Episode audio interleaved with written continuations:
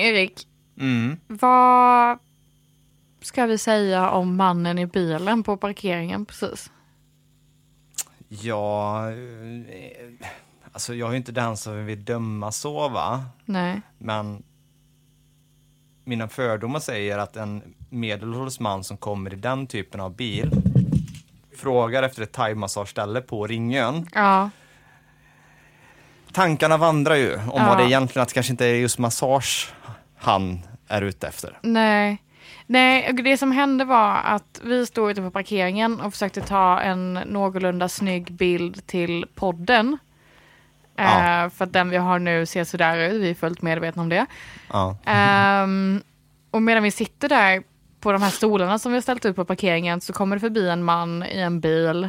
Mm. Som- Grå BMW. Som, ja, det kanske det var. Mm. Jag, är inte så, jag är inte så med bilar. Nej. Så att det var en grå bil och den såg eh, halvny ut och mannen såg medelålders ut och Mm.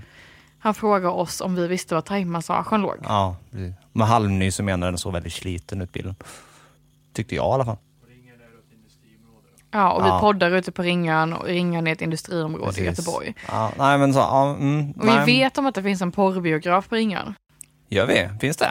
Ja, Ja, det nämnde de i de här GP Ja, just det systrar ja. i den här poddserien som GP gjorde om eh, Just det. prostituerade. Jag har inte hunnit lyssna på den här. Jag har, det är så här dåligt samvete jag har haft i sommar. För jag vet både du och Ja. Anneli som var med förra eh, avsnittet pratade ju mycket om den. Och, fler än ni har ju pratat om den och jag har tänkt så många gånger att jag ska lyssna på den. Men det har liksom inte, tiden har liksom inte riktigt räckt till känner jag. Jag tycker den är väldigt bra. Alltså, Mm. I och med att det är, eller kvinnorna är med och medverkar och Ja. säger sitt. Liksom. Ja, precis. Ehm, Men det är väl, mm, som jag förstår det, så var det kvinnornas berättelse som står i fokus. Mm, det är liksom precis. inte någon så här någon programledare som driver ett narrativ utan nej, att det är deras berättelse Ja, som står i fokus det- och det är någonting som har, deras röster saknas väldigt mycket ja, eh, i debatten tycker jag.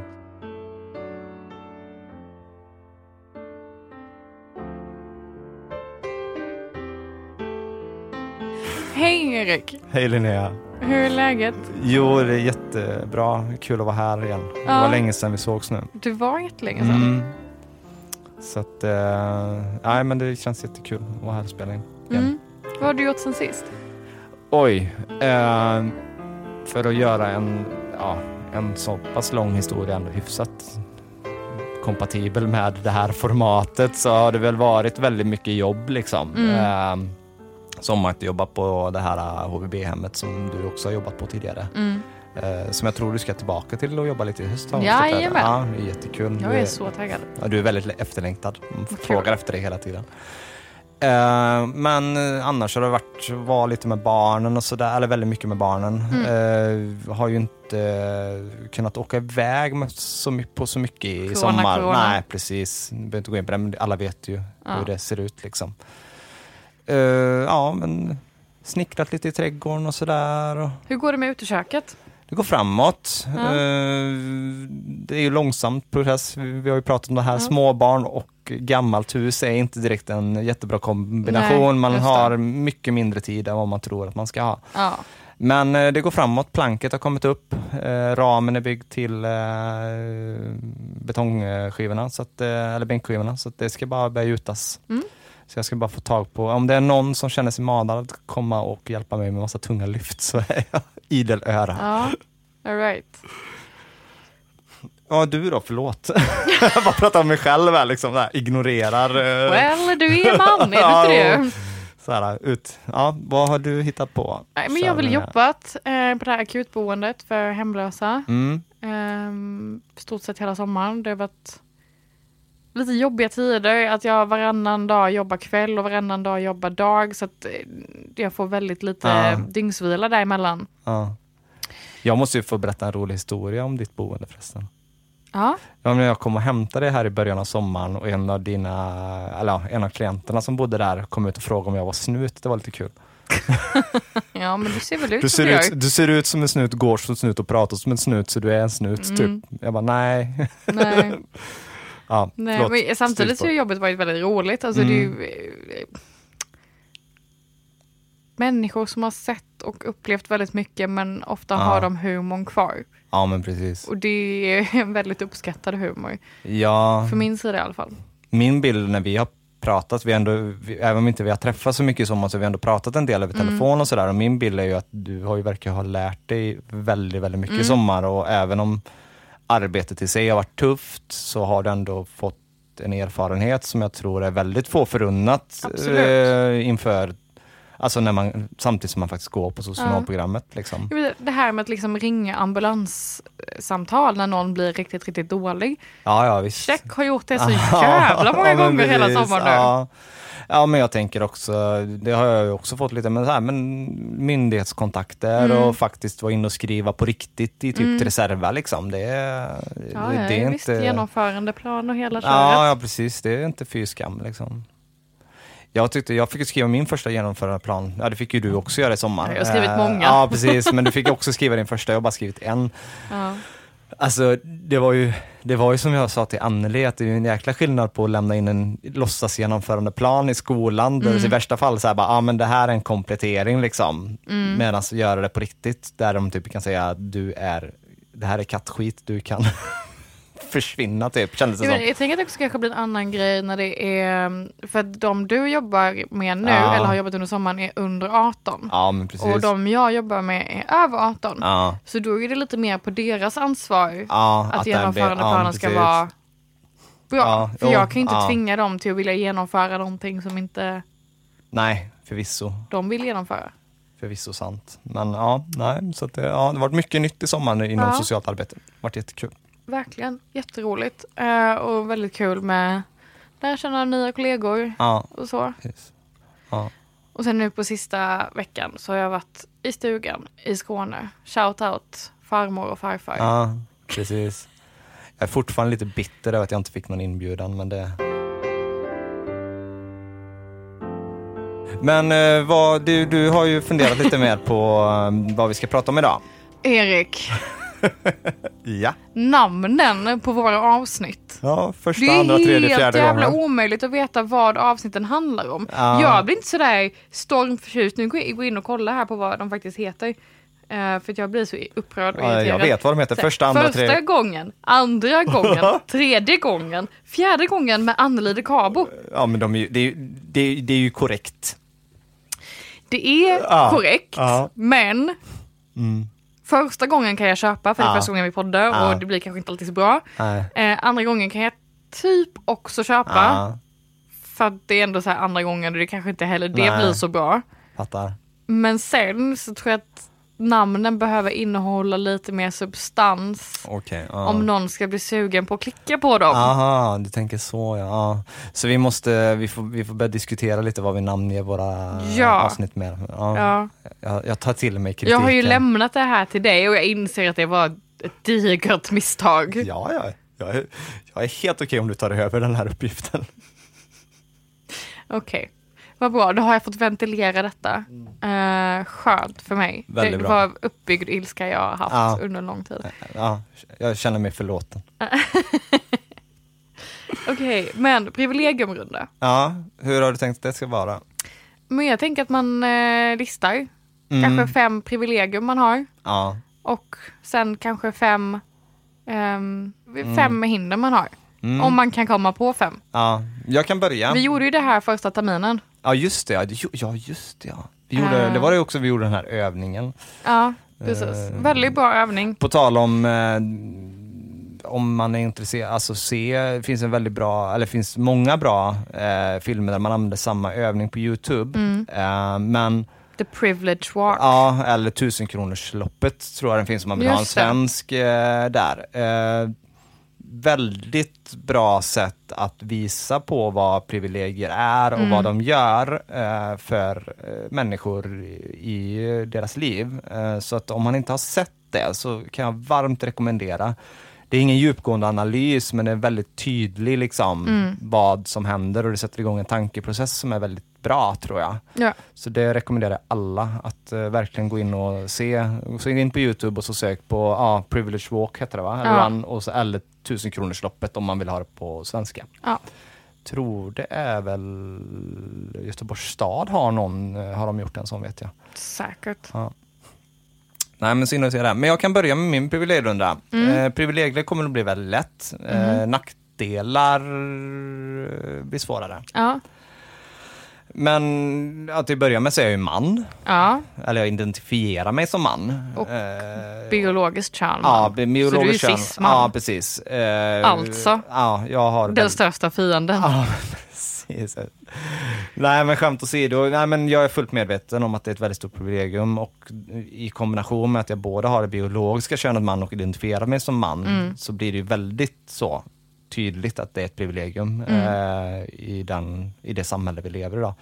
Eh, I motsats till det hade jag varit biologiskt kön man men inte identifierat mig med man så hade det kanske varit ett privilegium men inte lika tydligt. Liksom. Nej men precis. Och du skulle haft andra motgångar i ditt liv. Ja, precis. På I grund form av av... att transpersoner Ja.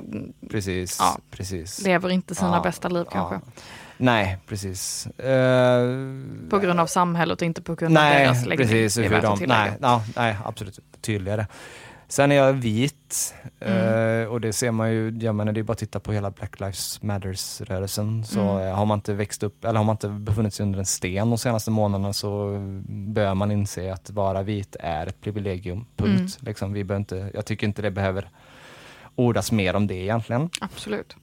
Eh, jag är på god väg att bli akademiker, Ja, eh, vilket är ett stort privilegium att jag Absolut. har klarat av en skolgång. det är Eh, ett stort privilegium att bo i Sverige och ha eh, tillgänglig skolgång. Ja, som inte Ja, betyder det att du är behöver också- skuldsätta dig så fruktansvärt ja, mycket. Precis, Just det, det privilegium att vara svensk går väl ihop med, eh, eller vara svensk medborgare går väl Ja. ihop med eh, min akademiska utbildning. Ja.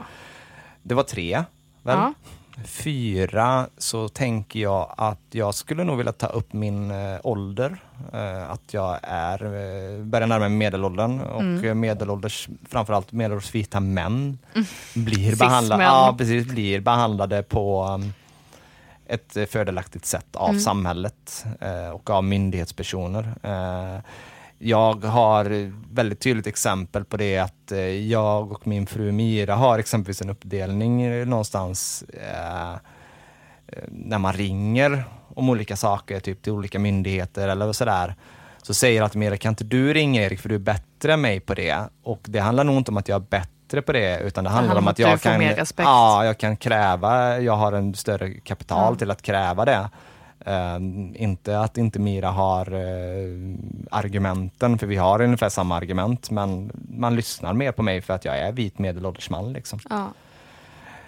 Mitt femte privilegium, vad ska vi ta där? Eh, Jag vad tänker du på? tänker på din sexuella läggning. Ja, tack, givetvis, min heterosexualitet. Mm. Ehm, och jag tycker inte det behöver utarbetas mer där egentligen Nej. heller. Det, lyssnar man på den här podden och man inte är medveten om att, att vara heterosexuell, att vara heteronormativ är en fördel i Mm. livet så ja men fan ta och lyssna på Hanif Bali istället eller någonting liksom. eller Alexander Nej, Bard. gör inte det. Nej, liksom. Stanna kvar, lyssna på det här. Du kanske lär dig någonting. jo, jo, ja, det är väl kanske bättre, men ja. Så. Så. Eh, så här. Ja. eh, ja, den karln. Ja, eller de karlarna. Mm. Mina nackdelar då, de är inte så många. De är väldigt, väldigt få. Humble brag. ja, alltså i den här kontexten så är det snarare att det är nästan som man skäms över att man inte har mer nackdelar i livet. Ja. Men vad skulle det kunna vara? Eh. Den enda nackdelen jag skulle kunna komma på, men som jag ändå övervunnit, är att jag kommer från en arbetarfamilj. Mm. Eh, Min familj, det är arbetarklass, Mm. eh, through and through. Eh, Så. Finns ingen akademisk utbildning någonstans i min Nej, familj. men utan du jag är den på första. god väg att kompensera Ja, för det. det. jag är den första som gör det. Men mina, så där har ju mina fördelar kanske övervägt mina nackdelar. Liksom. Men det är absolut var en nackdel och så. Det är väl egentligen det jag känner att jag eh, kan komma på som jag är bekväm i att ta upp Ja. här. Eh, Så. Eh, Det finns mer nackdelar men de är jag inte riktigt bekväm med att ta upp här i podden. Okej. Ja. Men känner du dig nöjd? Ja, ja, men jag känner mig nöjd. Jag vet inte om jag ska lista fem och fem, utan jag kanske bara börjar med att lista vad jag har på dem du har. Ja, men det kan du göra. Du kan svara lite på dem. Ja, Ja. Eh, okej, så du började med att du var man. Ja, Jag är kvinna, ja, andra klassens medborgare direkt på den. ja, Shit, crap. ja, Ja. så är det. Ehm, det är såklart mycket bättre att kvinna nu än vad det var för 100 år sedan, eller 50 år sedan, eller 25 år sedan. Men det är fortfarande en pers att vara kvinna. Är inte det där typ det tröttaste argumentet Jo. som antifeminister kan säga? Ja, men det var värre förr. Ja, men vad spelar det för roll? Det behöver inte betyda att vi ska sluta kämpa för människors rättigheter. Nej, liksom. men. Nej, men jag är också en mm. sån person, alltså, nu svävar jag ut lite, men jag är en kvinna och jag eh, vägrar att raka bort mitt kroppshår, min kroppsbehåring. Mm. Eh, för att jag känner att jag hellre läser en bok under den tiden, eller vad fan som helst. Ja. Ni som inte har sett Linnea, hon liknar mer en gorilla än en Mm. människa. Nej, Exakt. Jag har ju mer hår i armhålorna än vad min sambo som är man Mm. har. Jag, tror, Eh. jag, jag har ju sett din, du har mer hår än vad jag har också. Ja, faktiskt, men jag har, Mm. alltså de är nice de armhålorna, jag är stolt. Ja, mm. Men en, eh, en yngre Erik i högstadiet har varit jätteavundsjuk på dig, för det var så här jobbigt tyckte jag alltid, för jag var, jag var rätt sen i utvecklingen, Ja. så jag fick inte hår under armarna på Åh. jättelänge, så hade varit så här avundsjuk. Hon är tjej, hon har hår under armarna. Eh, Men ja, det leder ändå till, ja, men vad jag tror det var i vintras när jag satt på bussen och hade lagt benen i kors. eh, Ah. Och mitt byxben hade glidit upp och det var tre spanska män, eller spansktalande män, Ja, eh, som kommenterade att, eh, ja men kolla tjejen där, hon är så himla hårig. ja, och du kan spanska så du Eh, förstår vad de sa. Kan tillräckligt mycket spanska Ah. för att förstå det. Mm. Och då kände jag att, mm, fan, jag orkar inte. Nej, men fan gör det liksom. Ja. Eh, men i alla fall, jag är kvinna och det har sina nackdelar. Men Mm. också sina fördelar. Ja, Eh. vad, vad är fördelen då? Jag får ha kvinnliga vänner. Det känns som att kvinnor har lättare att knyta kvinnliga vänner till Ah. sig. Och fan vad jag älskar mina kvinnliga vänner. Mm. De är de bästa. Mm. Ja, men kul. Du är också bra Erik. Ja, nej inte bäst. Nej. här, Ehm, när Linnea rangordnar min familj så är det liksom Tintin min dotter, Mira min fru, Cornelis min son, så kommer jag på Ja. sista plats. Och då var det ändå jag som lärde känna Linnea först. Liksom. men alltså du har en bra jävla familj. Ja, det. Så. Eh, sen sa du att du var vit. Ja. Eh, och det är jag också. ja, men du, Woo, woo, woo. men du har Yes. ju faktiskt ett annat ursprung än vad jag Det har jag. Mm. Eh, men jag kommer ju undan med det. Det gör du. Tack och lov kan jag vilja säga ibland faktiskt. Mm. Eh, kommer undan med det ganska länge tills någon ser mitt efternamn och frågar vart det är ifrån. Ja. Du får rätta mig om jag har fel nu, Mm. eh, men jag tänker väl också att ditt ursprung, för din mamma och din pappa är polacker. Ja, bägge två. Ja, och kom till Sverige eh, från Polen. De är, det är de, de är första generationen. Ja, så jag är andra generationen. Ja, och jag tänker väl att du har ju fått en nackdel i att de antagligen haft det lite svårare med olika myndighetskontakter när du ska börja skola, lite sånt just på grund av att de kanske inte kan språket så bra eller Mm. jag sådär. vet inte eller... om just, min pappa kom ju när han var nio Ja, det var så pass tidigt ja. eh, och min mamma kom när hon var gravid med mig. Ja, Ehm, precis efter bröllopet, som Mm. jag förstår det. Ehm, och, så hon har ju haft problem med svenskan ja, och behövt plugga SFI och sen, eh, ja, ja lång historia eh, innan hon har liksom kommit in i, sam- kommit in i samhället inom kaninöron då. Ja, Men pappa har ju ändå varit här i stort sett hela sitt liv. ja, precis. Ehm, men jag kan ju tillägga att jag en period i mitt liv, eh, den fantastiska perioden som kallas högstadiet, Mm. bodde i Vellinge. Mm. Eh, och vet, alla kanske inte vet vad Vellinge är, men det är en liten håla i Skåne som ligger ganska nära Malmö. Ja. eh, där man röstar väldigt mycket blått och brunt. ja, mer tror att- brunt idag va, än blått till och med. Ja, det är nog kanske 70 blått och 30 brunt. Ja. Rött finns inte. Jag kollade på senaste Ja. valtjosan, jag tror att det var en person som hade röstat på Vänsterpartiet. Ja. Vellinge skärper. Gör det. Helvete. Eh, deras kommunslogan har länge varit där friheten är större och skatten lägre. Ja, ja. Så att det drar ju en viss typ av människor Ja. också. Men vad är det med Skåne och liksom så här fascistoida tendenser? Jag fattar inte. Är Staffanstorp, ja. Vellinge, vad heter det, Sjöbo heter det va? Ja. Sjö, alltså, det är ändå rätt, det är ändå rätt intressant diskussion. Det hade varit kul att prata om den. Om vad, vad är det som gör att Skåne samlar på sig alla de här eh, liksom, ja, men, jag tror det kanske är en kombination liksom. mellan landsbygd och okunskap. Och... men jag menar Norrland har ju också landsbygd och de röstar ju vänster liksom. Ja, men de har ju Stockholm som stor fiende istället. Ja, men fan har inte det? Nej, förlåt. Alltså, jag älskar Stockholm, förlåt. Min fru är från Stockholm. Ja. Nej, men i alla fall i högstadiet bodde jag i Vellinge och då fick jag höra väldigt mycket saker som att sådana som du kan bara rensa toaletter eller sådana som du kan bara plocka jordgubbar. Ja. Uh, åk hem. Ja, men det, där blev ditt ursprung liksom någonting. Och, ja. och hur du blir behandlad i högstadiet påverkar ju givetvis ditt psykiska välbefinnande när du blir äldre också. Absolut. Uh, sen kan jag ju förklara det genom att de var dumma i huvudet. Uh, och ja.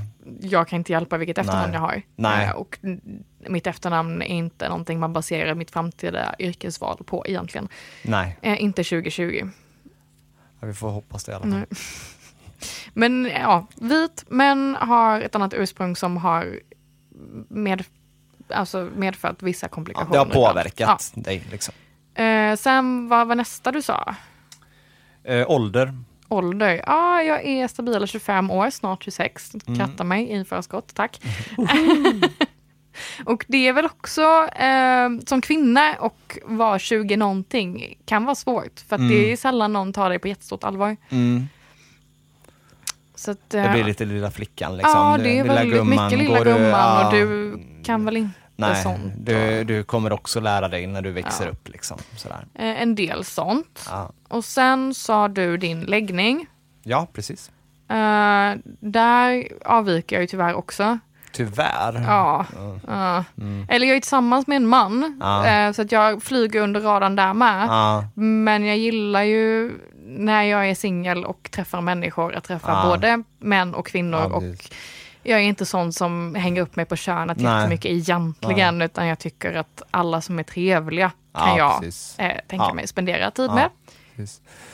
Yes. Ja, nej, men eh, ja. Det och sen, mina fördelar är dina nackdelar. Ja, lite mm. så. Och sen, ja men arbetarklass kan man väl säga att jag också vuxit upp i, mm. precis som du. Men min familj har gjort en klassresa och mm. jag är väl också på god väg att göra det för min egen del. Um, du kommer dock från en akademikerfamilj. Ja, min pappa har ju bara pluggat gymnasiet. Ja, men din mamma... Min mamma har ju pluggat till sig ganska mm. mycket. Hon är så här specialistundersköterska mm. och har jobbat en del om forskning på senare tid också. Shoutout mamma. Din, din, mamma kan vara bland de coolaste människorna som finns. Ja, det tycker jag också. Ja, så. Verkligen. Mm. Jag har aldrig träffat din mamma, men hon, jag, har, jag har pratat med henne på Skype en gång. Just det. Ja. Hon är stentuff verkligen. Mm. Eh, sen har jag också en dold sjukdom, alltså en sjukdom som inte mm. syns mm. på utsidan. Mm. Mer än när jag är väldigt, väldigt svullen om magen, för då mm. ser det nästan ut som att jag är ungefär sjätte månaden gravid. Ah. Eh, jag har en sjukdom som heter endometrios, mm. eh, som bara drabbar kvinnor. Ah. Den tänker jag att vi får prata mer om sen.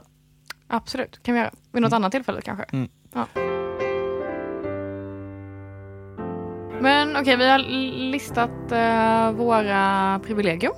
Ja, och dina nackdelar. Och mina nackdelar. Med dina nackdelar. Du har faktiskt inte gått in på privilegier, utan du har bara svarat på mina mm. fördelar och sagt att ah, men det där jag är en nackdel för mig. En, alltså, jag är ju kvinna, cis-kvinna. Mm. Det är ju en mm. fördel att vara cis. Ja. Det är en fördel att vara vit, även om ja. inte jag är den perfekta vita. Perfekta Jag är Nej. inte svensk vit. Nej, precis. Även om jag känner mig svensk. Okay. Jag flyger mm. under radarn liksom. Ja. Och samma sak med min sexuella läggning. Jag flyger mycket under radarn. Även om jag inte är helt... Ja. Och sen har jag ju då en arbetarklassbakgrund, men min mamma är akademiker. Så, det väger upp liksom. Ja, mm. så att det, jag är inte botten av botten av privilegiumskalan. Eh, Nej. Men jag är inte på din topp heller. Nej, men precis. Men... Jag är med, lagom, jag är mitt emellan. Ja. Varför vi listar de här, eh, vi pratade om det i pausen, vi pratade om det lite innan, vi tänkte att vi skulle så här, eh, berätta våra privilegier bara för att det är en intressant övning. Mm. Eh, men också så tänkte vi vi skulle se, prata lite om de nackdelar som våra framtida klienter och de klienter vi faktiskt har haft nu under sommaren när du mm. och jag har jobbat vad det gör i deras kontakter med framförallt myndigheter men också deras liv i samhället i stort. Ja. Uh, så. Uh, sen så kommer det ju någonstans, eftersom vi har någonstans en tystnadsplikt, så kommer det här bli väldigt svepande. Mm. Uh, och det vi pratar om är liksom en klient i stort, inte en specifik klient, utan det här är någonting man kan möta oavsett om man jobbar på de två ställena vi jobbar Mm. på eller om man jobbar på random socialkontor i Lappland. Liksom. ja, men precis. Så. Alltså, Jag jag, vill, jag vill vara väldigt tydlig med det. Ja. Så. Till att börja med så kan vi ju nämna att majoriteten av de som söker sig till ett socialtjänstkontor är Mm. de allra mest utsatta. Ja, det är ju liksom det som är det, det här sista utposten. Liksom. Precis, det sista skyddsnätet Ja. i samhället.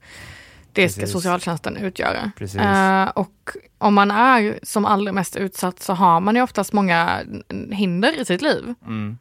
Annars hade man kanske inte varit så himla utsatt. Nej. Med det sagt så betyder det inte att en vit cisman i medelåldern, medelåldern som är heterosexuell eh, och har varit akademiker inte kan bli utsatt. Nej, det finns ju, det finns ju otaliga exempel på det och det, det, Mm. där skulle jag ha velat prova en tanke på det lite Mm. där. Eh, vi har varit inne på det lite tidigare när vi pratat eh, om socionomprogrammet i tidigare avsnitt, så här, varit och skrapat lite på det här. Ja, Men just det här att det är en generalistutbildning, ja, eh, så utgår det ju någonstans från den vite cis-personen i Sverige, den utbildningsformatet som vi har. Visst, vi pratar lite om makt och kategoriseringar i Ja. termin ett, och vi har ju pratat om kön och vi har pratat om in- Absolut, genus. Och, men jag tänker det lilla vi haft på metod exempelvis, det var Mm. som vi pratade med Anneli om, jag tror inte det kom med i sändning, men vi pratade om det här liksom att med MI och öppna samtal. Jo men det Mm. gjorde vi faktiskt det här med att den utgår ju från, slags, från den här generella bilden, liksom, alltså att människor som har kapital att svara på de öppna frågorna. Exakt. Det är liksom en metod som används och lärs ut väldigt tydligt på socionomprogrammet. Medan, som vi kom fram till nu, att utifrån de nackdelar som är medfödda av en annan anledning, du kan inte göra någonting åt dem. Mm. Alltså, och det är inte nackdelar, alltså det är ingen nackdel att vara homosexuell exempelvis, det det vill jag vara väldigt tydlig med, men hur samhället ser på det så blir det en nackdel för dig. Mm. Eller om du är invandrare och inte kan språk så bra, så har du inte kapitalet att svara på det. Och det blir väldigt intressant diskrepans där mellan liksom den teoretiska grund vi får på utbildningen med makt, kategoriseringar och kön som du säger, till den praktiska metod vi faktiskt lär oss. Mm. Eh, Får jag ta ett exempel? ja, absolut. Ehm, jag jobbade på det här akutboendet under sommaren och det är ett akutboende så tanken är inte att man ska bo där särskilt länge. Eh, och då var det en person som eh, bodde där och skulle flytta vidare men kände sig väldigt skeptisk inför det nästa stället som den skulle flytta till. Mm. Varpå jag frågade personen, bara, men kan du förklara vad det är som gör att du känner dig skeptisk? Är, Ja. det, är det miljön, är det personalen, är det, vad är det som Ja. gör att du eh, Ja, inte vill t- flytta dit, tvekar liksom. Ja, inför att precis. flytta dit? Ja, Eh, och den här personen kunde verkligen inte uttrycka det. nej, Eh, det gick inte. säger att ah, men det känns tajt. Ah, här, kan inte riktigt hitta orden. Eh, tills jag föreslår att personen ska förklara det på polska istället. Mm. För till historien hör att personen talar polska Ja, precis. eh, och är betydligt mer bekväm vid att tala Ja. polska än svenska. Vilket kanske är rimligt om det är ens modersmål. Liksom. Ja. Ja. Eh, och då gör personen det och då översätter jag det den säger till mig på polska till svenska Ja. och kollar, är det det här du menar? Är det det här du menar? Är det det här du menar? Och så har vi en helt annan förståelse. ja, precis. Men den här väldigt enkla frågan, vad är det som gör att du känner att du tvekar inför det här Ja. boendet, var övermäktig att besvara på svenska. Ja, det är inte så konstigt. Och det, och det, alltså det går ju någonstans också, tänker jag då, om jag får reagera lite på det du säger där, Ja. så tänker jag liksom att ja, vi har ju i förvaltningslagen så står det ju att ja, men du har rätt till tolk i din, dina kontakter med olika myndigheter och sådär. Jo men den personen Jo, men, klarar ändå av att prata ja, svenska. precis, så att den får inte, men, men vi säger, vi leker med tanken att personer inte kan svenska alls. Liksom. ja, okej. eh, och ska då ha rätt till tolk, vilket absolut, självklart ska man ha det. Mm. Men i ett i en situation där du har en tolk så förloras ju någon, någonting. Mm. Alltså man förlorar det här direkta utbytet av tankar och idéer för mm. man har en tredje person som man ska prata igenom som kanske inte klarar av att nyanser, det här relationsskapandet. Mm. Alltså, givetvis, jag förstår ju att vi kan inte ha en socialarbetare som kan alla språk i hela världen. Men jag tänker vilken vinst du gör där med den klienten, att du faktiskt kunde polska. Mm. Så jäkla häftigt, alltså att man kan utnyttja den resursen liksom. Ja, och eh, jag så. tycker att bara det här med, med liksom maktspråk ja. eller expertspråk, Alltså att slänga sig med olika socialtjänsttermer och mm. hitan och ditan och fram och tillbaka. Ja, det är soligt. Skälig lite, levnadsnivå. Ja, och gärna lite förkortningar också. Ja. Det ska vi aldrig ha. Liksom. Alltid ha liksom. En skälig levnadsnivå har jag också stött på patrull ett par gånger under jobbet under sommaren. När ja. personer har um, sökt eller ska söka ekonomiskt bistånd. Ja, Via en sån blankett och så står det någonting om uh, skälig levnadsnivå, bla bla bla. Ja. Och varenda gång, varenda gång man ska fylla i det, vad var det det här betydde nu igen? Ja men precis. Och det är skitsvårt att förklara. Ja, men, men, men sen så är det också, jag menar, bara att det är svårt att förklara för att det är liksom ett svårt ord, eller mm. man ska säga inom kaninöron. Men det är också det att det är en väldigt subjektiv ja. bedömning. Liksom, jag vet, jag skickade ett citat till dig mm. för ett tag sedan. Ja, här. Det här så, social myndighetsutövning kallas ibland demokratins svarta hål, då det visar sig att normativa beslut oftast fattas på svaga hållpunkter och är starkt beroende av den enskilde socialarbetarens värdesyn. Jag tycker det här, det här normativa beslutet, det är ju liksom, mm. vad är en skälig levnadsstandard? Det är ju mm. liksom någonstans något försök till någon slags norm, men det är så himla beroende av liksom, den enskilde. Liksom. Mm. Uh, nu glömde jag om att prata om, men jag tycker det är ett väldigt fint citat som beskriver det här, liksom att det, det beroende på vem du möter som klient så får du en, uh, olika bedömningar. Liksom. Ja, och det kan ju bero på var du är i livet också. Alltså mm. en, en, gammal person som också kan komma i kontakt med socialtjänsten har ju helt annan bild av vad skälig levnadsstandard är jämfört med en 15-åring som du har jobbat med hela ja, eh, sommaren. Ja, och också så kanske den som är äldre har levt ett liv och kommer i kontakt med socialtjänsten först nu eftersom den har fått en pension som är helt åt helvete. Hej Moderaterna, jag pekar på er. uh, ja. så. Uh, vilket gör att han har fått en helt annan inställning till vad som betraktas som skäligt liksom. Mm. jämfört med någon som ja, men kanske är i 40-årsåldern och har ett missbruk bakom sig. Ja. Så. Eller psykisk ohälsa för den delen. Ja. Men uh, privilegium? Ja, nej men jag tänker väl så här att klienter vi möter har som regel, inte alltid, men som regel har de mer nackdelar än vad de har fördelar. Mm. Det är Uh, om de inte, en del har invandrarbakgrund. Mm. Mycket första och uh, andra generationens ja, invandrare. Som, ja, precis. Där man ser på dem att de eh, har ett annat ursprung. Liksom. Ofta, ja. Inte alltid. Nej, men ofta blir bedömda det. Men mm. i de fallen där de inte har det så finns det ja, ibland lite psykisk ohälsa. Det kan vara föräldraförmåga som brister om det rör sig om ungdomar. Liksom. Mm. och någonstans så vet vi väl, kan man, eller man ska säga vet vi, men det är väl inte långsökt att tänka att beteenden och levnadsstandard återspeglas utifrån de livserfarenheter man har gjort tidigare. Nej, men precis. Du påverkas väldigt starkt av exempelvis vilken uppfostran du får av dina föräldrar. Eh, ja. Du påverkas väldigt starkt av att du inte har haft möjlighet till samma typ av arbeten för att du kanske inte kan svenska så bra. Eh, jag vill också lyfta den här, um, det var en undersökning som vi hade som uh, kurslitteratur vid någon kurs. Mm. Uh, du får nog ge mig mer information. Ja, jag är på väg. Ah. Nej, men där de hade de hade väl kollat hur många av akademikerbarnen mm. som själva blev akademiker när föräldrarna var första generationens invandrare och inte ja, hade lyckats det. få jobb nej, som motsvarar nej, deras utbildning. Precis. Och det visar ju på...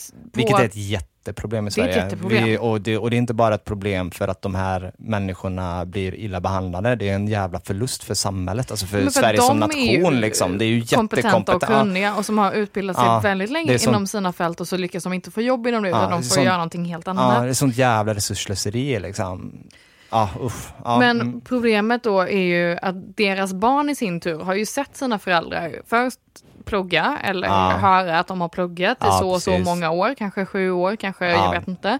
Eh, sen komma till ett annat land där de har den här saftiga utbildningen och så får de inte ett jobb ja. och, en lön som är nej. skälig för och, den kan, insatsen. och, och kanske läser typ tidningarna så här, vi har så stor brist på lärare och vi har Mm. så stor brist på läkare i Sverige. Liksom, ja, men min pappa är läkare, ja, men han får inte jobba för han eh, råkar heta Mohammed istället för Lars. Liksom. Ja men precis. Så. Och då när de ser detta att det spelar ingen roll att man har en sjuårig utbildning, Nej. man får ändå inte jobb, Nej. så mister de väldigt mycket av sin Mm. skolmotivation enligt den här undersökningen. Ja men precis. Ja, nej, ja. Det tyckte jag var fascinerande och väldigt mycket huvudet på spiken när det kommer till att ma- man ofta i media klagar på skolor i förorten och att prestationerna är så låga där. Mm. Och det beror kanske delvis på att eh, skolorna är dåliga. ja. Eh, Det kanske delvis beror på att det är stökigt och att folk Ja. kanske inte kan det svenska språket och då blir det svårare att ta in matte också om man dessutom ska ja, eh, lägga det. Kanske för att föräldrarna inte kan hjälpa till med läxorna. Nej, för de förstår inte skolböckerna som kommer Nej, man kommer hem med. Liksom. Det är inte så att de inte kan matten, det är bara att de inte förstår uppgiften eftersom den står skriven på svenska. Ja, men jag, kan ju, jag hade ju lite, jag, eller jag hade lite, jag gick ju också matte i skolan och min mamma hade ju lärt sig matte på polska. ja, ja. Eh, och då hade, använde man metoder och sätt att räkna ut saker på Ja. som inte jag lärde mig i skolan. Nej, Och då hade hon väldigt svårt att hjälpa mig med matten. ja, för hon förstår inte de uppställningarna som din lärare lärde ut. Precis. Liksom. Mm. Eh, pappa å andra sidan kunde hjälpa mig, men han hade också pluggat matte i Sverige. Ja. Så det, eh, men bara liksom den lilla skillnaden Ja, ja, gör visst. att det blir väldigt mycket svårare att hjälpa till med Det blir ett läxorna. jättehinder. Det är ett jättehinder. Och sen, men trångboddhet kan ju också påverka läxläsningsro. Ja, Men sen tror jag också att motivationen hos eleven är en stor del och det är svårt att vara motiverad om du inte Nej. ser att man får, får någonting för sin utbildning. nej. Nu är inte jag, jag, jag är absolut inte lärare, eh, så. Eh, Mm. Kan ingenting om pedagogik, men jag tycker ju att utifrån, alltså samhället har ju förändrats liksom, Mm. eh, väldigt mycket de senaste åren och mycket på grund av den här så kallade flyktingkrisen. Mm. Eh, jag hävdar ju bestämt att det inte var en kris, men skitsamma, det är en annan diskussion. Mm. Eh, men alltså att skolklasserna är inte en homogen grupp längre. Eh, och att man undervisar på ett sådant sätt tänker jag, alltså jag tänker just på just det som du säger med läxläsning där. Måste, ska vi inte försöka gå ifrån det där med hemstudier på något sätt? För jag menar, vi, vi vet ju att det finns situationer, vi har sett ju det som du säger, att ja, men mina föräldrar kunde inte hjälpa mig på samma sätt som en svensk familj kunde göra med Mm. läxorna. Eh, du tog upp trångboddhet. Mm. Eh, det kan, ju vara, det kan ju vara att du kanske, ditt enda mål mat du får om dag, på dagen, det är det du får i skolan Mm. och det är ju direkt kopplat, alltså prestation liksom. Ja. Men när du kommer hem så är du hungrig, det är klart att du kanske inte kan prestera på samma nivå då. Eh, det kanske förväntas av dig att du kanske ska jobba extra i något ställe bara för att liksom, få ihop pengar till hyran liksom, så att Mm. du inte har tid med dina läxor. Så jag vet inte, nu får väl någon så här, om det är någon lärare som lyssnar på det här, så jag kanske är helt ute och snurrar, men hade det kanske inte varit bra att försöka gå ifrån just hemuppgifterna mer och mer och kanske försöka satsa, jag om man, om skolan. Ja, men jag vet inte, man kanske ska gå längre skoldagar istället. Jag vet inte. Alltså, Mm. för att om det nu är så att du måste ha de här uppgifterna för att du ska klara av skolplanen. För det antar jag, för hade man klarat av skolplanen på skoltid så hade man ju givetvis inte behövt ha läxor liksom. Nej. Men jag kan ju tycka att det är lite konstigt liksom tankesätt just utifrån dem. Och sen så kan vi se så när man kommer ut i vuxenlivet, det är väldigt få arbeten det förväntas av dig att, ar- att arbeta hemma utanför arbetstid. Mm. Det är inte många jobb som har det så. Det är Nej. väl typ lärarna som har det så.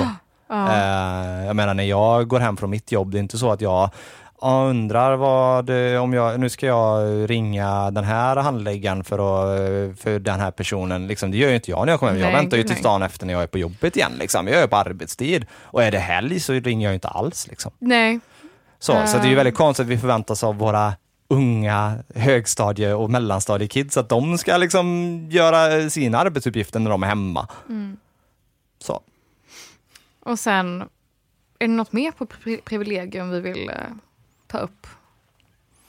Nej, men det är väl återigen det att om du inte är så här, gå in och titta på den här Youtube-klippet som vi pratade om i början. Det, är- det är jättetydligt. Jag måste ju också, på tal om privilegium, Mm. eh, jag har ju hjälpt människor att försöka förstå sig på hur man söker ekonomiskt bistånd under sommaren. Mm. Jag skickade en bild på listan av saker som behövdes. Ja, just det. Till dig. Jävlar, det var. Det var väldigt många saker som Ja. behövdes. Och då, då, då ska vi säga så här, jag är socionomstudent, ska börja min femte termin, alltså kommit rätt så långt. Och jag tror att det var ett par punkter jag sa, vad i helvete är det de menar här? Ja. Jag Så. var chockad över hur mycket det var. Och då har vi, som, du, som vi sa nu, vi, vi går på socionomprogram, Ja. vi läser till socionomer och vi förstår inte. Vi var tvungna att börja googla och hålla på Vad och leta länge innan vi hittade det. Precis. Eh, jag kan rabbla listan Ja, men gör det. för att eh, förtydliga hur mycket det är. Och så, Eh, kan ni, så kan ni ha lite om ni lyssnar tillsammans så kan ni ha så här mini-quiz och se hur många eh, rätt eller fel ni får. Mm. Håkan och vad heter din farmor nu igen? Juscha kallar Ja. vi henne. Ja. Ni kan, eh, vi vet att ni alltid lyssnar ihop, så ni kan ha ett litet quiz här nu på Linnea se om ni... Hur många förstår ni av vad det här precis. är? Eh, kopia på legitimation. Ganska basic, men du Mm. måste ändå fixa en kopia. Du behöver en kopiator för det. Mm. Ifylld ansökningsblankett som bifogas detta brev. Ja. Också basic. Eh, om du eh, har uppehållstillstånd och inte är svensk medborgare ska du också ha kopia på beslut från Migrationsverket. ja, det är också, det borde man, ja. Ja. Eh, samtyckesblankett som är underskriven. Här Det var, var det vi- jättemycket Ja. frågetecken för mig för att det fanns ingen samtyckesblankett bifogad i det här. Nej, och det finns ju liksom inget standardiserat utan när vi googlade samtyckesblankett så Mm. var det, fanns ju samtyckesblanketter, ja. Men det var ju massa olika, alla kommuner hade ju typ olika samtyckesblankett och Göteborgs stad som det här gällde då, fanns det ju inte alls. Nej, precis. Så vad är en Ehm, samtyckesblankett? Vad ska stå på den? Vilka uppgifter behöver man på samtyckes... Alltså, Det liksom, kom, jag fick ju fatt i en samtyckesblankett Ja. efter det. Och imponerande. eh, det var ungefär det som vi hade googlat Mm. fram. Alltså att jag heter det här och det här. Ja. Eh, dagens datum är det här och det här. Jag ger samtycke för att ni i socialtjänsten ska kunna kontakta den här och den Ja. här. Ungefär. Mm.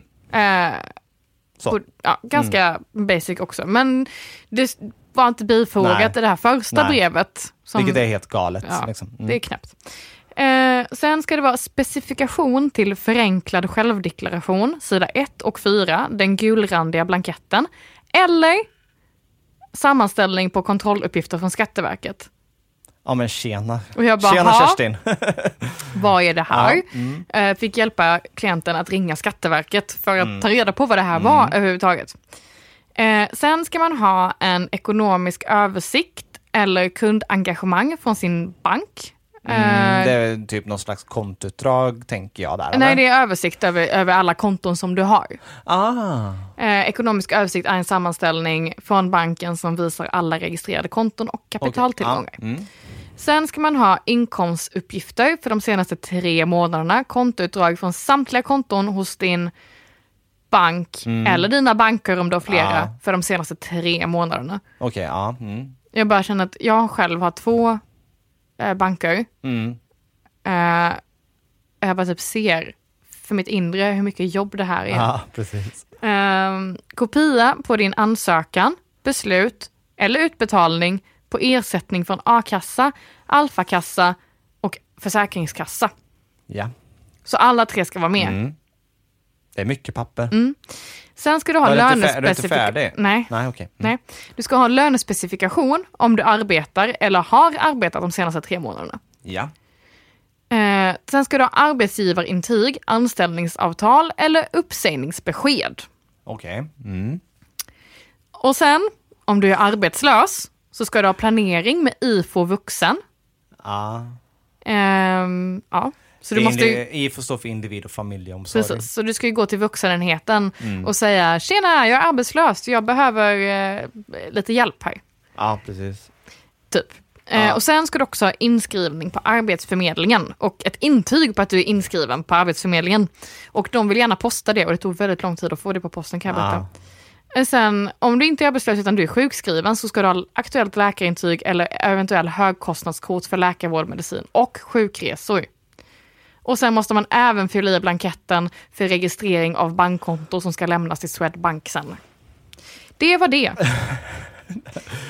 Alltså, ja, men som jag sa innan, vi är socionomstudenter och vi var tvungna att kämpa tillsammans för att få ordning på det här. Ja, Och då förväntas det av människor som befinner sig någonstans på samhället. För ekonomiskt bistånd är ju typ sista utposten i samhället som man Ja. säger så fint. Eh, du ska ha noll kronor på kontot. Ja, typ, och de princip. förväntas klara av det här. Jag menar bara som en enkel grej att många av de här sakerna kräver tillgång till en dator med Mm. internet och kanske en skrivare. och en kopiator. Ja, och förstå det svenska språket fullgott liksom. Alltså, ja. Så det är kämpigt i ja, allra högsta det grad. är verkligen så vill också på, bara lägga till att här, har man inte en legitimation och har man inte bank-id Ja, så blir det våldsamt mycket jobbigare. ja, precis. För det Bara jag. där. Ja. Många Ja. hemlösa saknar ju båda Ja. delarna. Men där ser man ju hur regelverket utgår från liksom, normen, den Precis. normativa svensken. Liksom. Eh, att det, det, du ska vara född och uppvuxen i Sverige för att klara av att Mm. ja, men, faktiskt få ha de rättigheterna som du har rätt till. Liksom. Eh, Mm. Som du har lagstadgad rätt till. Precis. Så.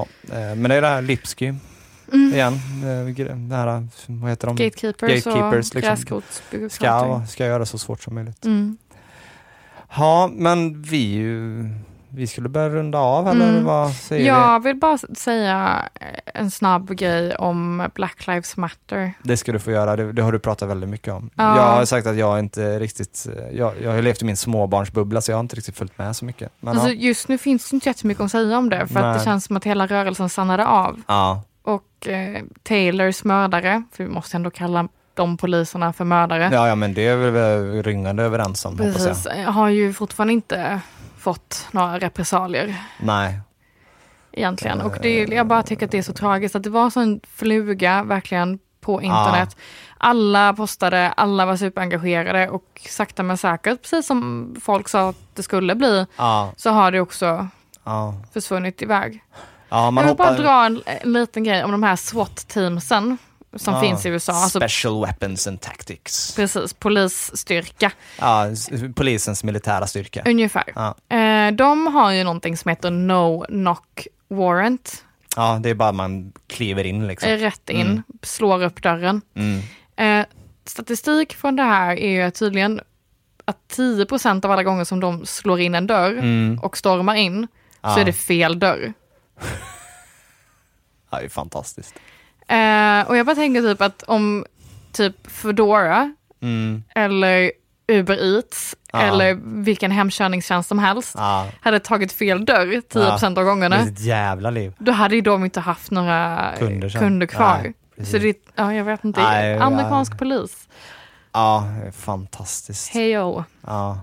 Och sen så då ska jag ju, om jag, det lilla jag kan tillägga så finns det så här, ja men det var ju några sådana här Black Lives Matters demonstrationer här i Sverige, eh, varav några urartade, liksom, som jag förstår det så. Eh, jag lägger ingen värdering i det. Eh, jag kan, eller så här, jag lägger värderingen i att jag kan förstå ungdomarnas frustration, eh, så, men eh, samtidigt, eh, ja, Men våld- också så här, under en coronapandemi Ja. så att du kan inte heller åka till det landet som du känner anknytning Nej. till. För jag tänker att det är många afroamerikaner som är här. Precis. Som har flyttat till Sverige Ja. av någon anledning. Eller som Ja. bara råkar befinna sig. Ja. Så kan de inte ta sig till... Nej, men det jag ville komma till är att det finns så här, jag hänger väldigt mycket på Twitter och då finns det någon sån här anonyma poliser som sitter där och bara, "Nej, det finns ingen strukturell rasism bland poliskåren i Sverige Mhm. liksom. Och det, det är ju bara, det är bara rent jävla bullshit, för Mm. det finns det visst det. Vi har otal, vi har romregistret bara för några år sedan liksom, exempelvis. Så att Ja. inte det är ett uttryck för strukturell rasism så vet jag inte vad. IB-skandalen är ju kanske inte rasism, men det är Nej. politiska åskådningar Ja, och det är ju inte allt för långt Vi religiös har, ja, åskådning. vi har det här snacket om visitationszoner. Vilka Mm. är det som bevistas i de här visitationszonerna? Inte fan är det jag som medelålders vit man i alla fall. Liksom.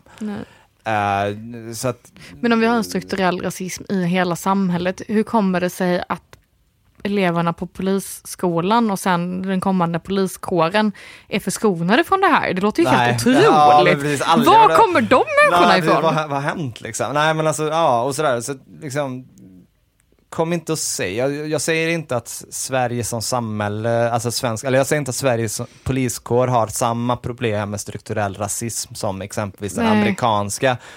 Eh, därom vet jag inte, eh, för jag, jag, jag har väldigt lite kontakt med svensk polis, så jag vet inte riktigt hur det fungerar. Mm. Men att säga att det inte finns en strukturell rasism och att man inte gör någon slags här racial profiling, ja men för fan, titta dig själv i spegeln liksom. Mm. Titta lite på hur, vad du håller på med liksom. Ja. Uh, med det sagt så finns det väldigt många bra poliser som gör väldigt mycket gott i samhället. Det, är absolut. absolut det här är absolut ingen A-cab-rant, alltså all cops are bastard-rant. Absolut inte. All cats are beautiful rant. Det också, men alltså någonstans, fan var lite självreflexiva liksom. Mm. Uh, jo men om det finns ett strukturellt uh, problem med rasism i samhället i stort så bör det ju också finnas vart den kollar. Ja, men absolut. Och sen så, ja men vi leker med tanken, ja men det finns, vi, vi säger att den här jävla polissnubben som sitter på Twitter och är anonym då, att han har rätt. Det finns ingen strukturell rasism. Mm. Ja men det betyder väl inte att vi inte kan möta de människorna som faktiskt upplever att de har strukturell Ja, vi hör dig, vi, ska ha en, vi måste ha en kommunikation om det. Mm. Istället för att bara säga, nej men ni har fel, hö, hö, hö, ni jävla idioter, mm. liksom.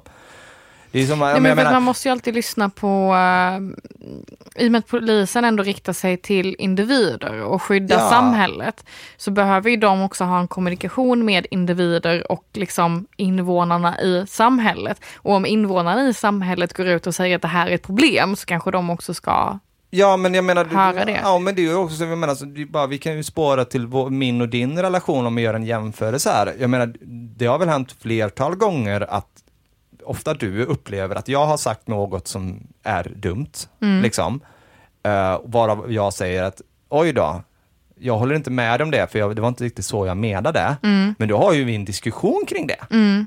Att du upplever Såvida inte det är bara uppenbart att oj det var dumt, jag ja, lägger ner. Ja men, men, alltså, men du förstår vad jag menar, ja. men att om vi inte är överens om någonting så har vi en diskussion kring det och försöker ja. liksom komma vidare i vår relation. Och varför skulle inte polisen då bara, ah, men nu måste vi lyssna på det här, för vi upp, vårat arbete är upplevs, att ha en relation med invånarna. Ja, och, och våra, det vi bedriver nu upplevs på det här sättet mm. av invånarna istället för bara, nej men ni har fel fan lyssna på dem, snacka med kidsen, med ungdomarna, med de vuxna och liksom inse att även om inte min, det här är min verklighet så är det deras verklighet mm. och det är deras verklighet jag ska verka i, inte min egen.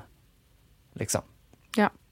Ja, nu blev det väldigt, nu blev jag, nu blev jag upprörd. Nu blev du upprörd, det blev en rant i alla fall. sorry. Är det något mer vi ska säga? Vi har mest surrat lite idag om privilegium och ännu mer privilegium ja. och Black Lives Matter-rörelsen som ja. också utgår från privilegium. Ja, precis. Ja, men det här avsnittet var väl lite mer på uppstuds här. Mm. Vi ville göra någonting för vi hade inte setts på länge och det var dags för ett nytt avsnitt, men vi hade inte riktigt tiden att så här, göra det förarbetet som vi brukar göra. Liksom. Precis. Uh, men det är väl det vi har egentligen. Uh, och sen så hoppas vi på att vi kanske ska spela in lite tätare nu till hösten. Mm. Uh, vi har lite gäster i pipeline, behöver inte nämna Nej. några alls där, men vi har några väldigt intressanta på gång ja. som ska bli skitkul. Uh, och sen har vi en mailadress igen. Ska du säga den den här gången? Har du sociala problem eller ja. at gmail.com. Ja, och inga bindestreck och inga konstiga tecken utan bara det. Så hör gärna av er mm. på inspel och tankar och, och som vi sa sist också, om det är någon som känner att de vill vara med. Så är de eh, hjärtligt välkomna. Ja, som eh, på något sätt är kopplat till socialt arbete. Så Eller sociala frågor överlag ja, också. Precis. Brukare hade varit jätte, eller klienter, ja. någon klient som det är, ju, det är lite problematiskt att fråga de klienter vi möter. Så, men om det är någon, klient, någon som är klient av något slag så hade det varit jätteintressant att Absolut. få prata med dig. Och så får alla stay safe och gå inte på några rave nu för att corona är inte över. Nej, precis. Vi måste nog lyfta corona någon dag. Ja, ja. annan dag. Ja. Tack för oss och hej då. Tack, hej.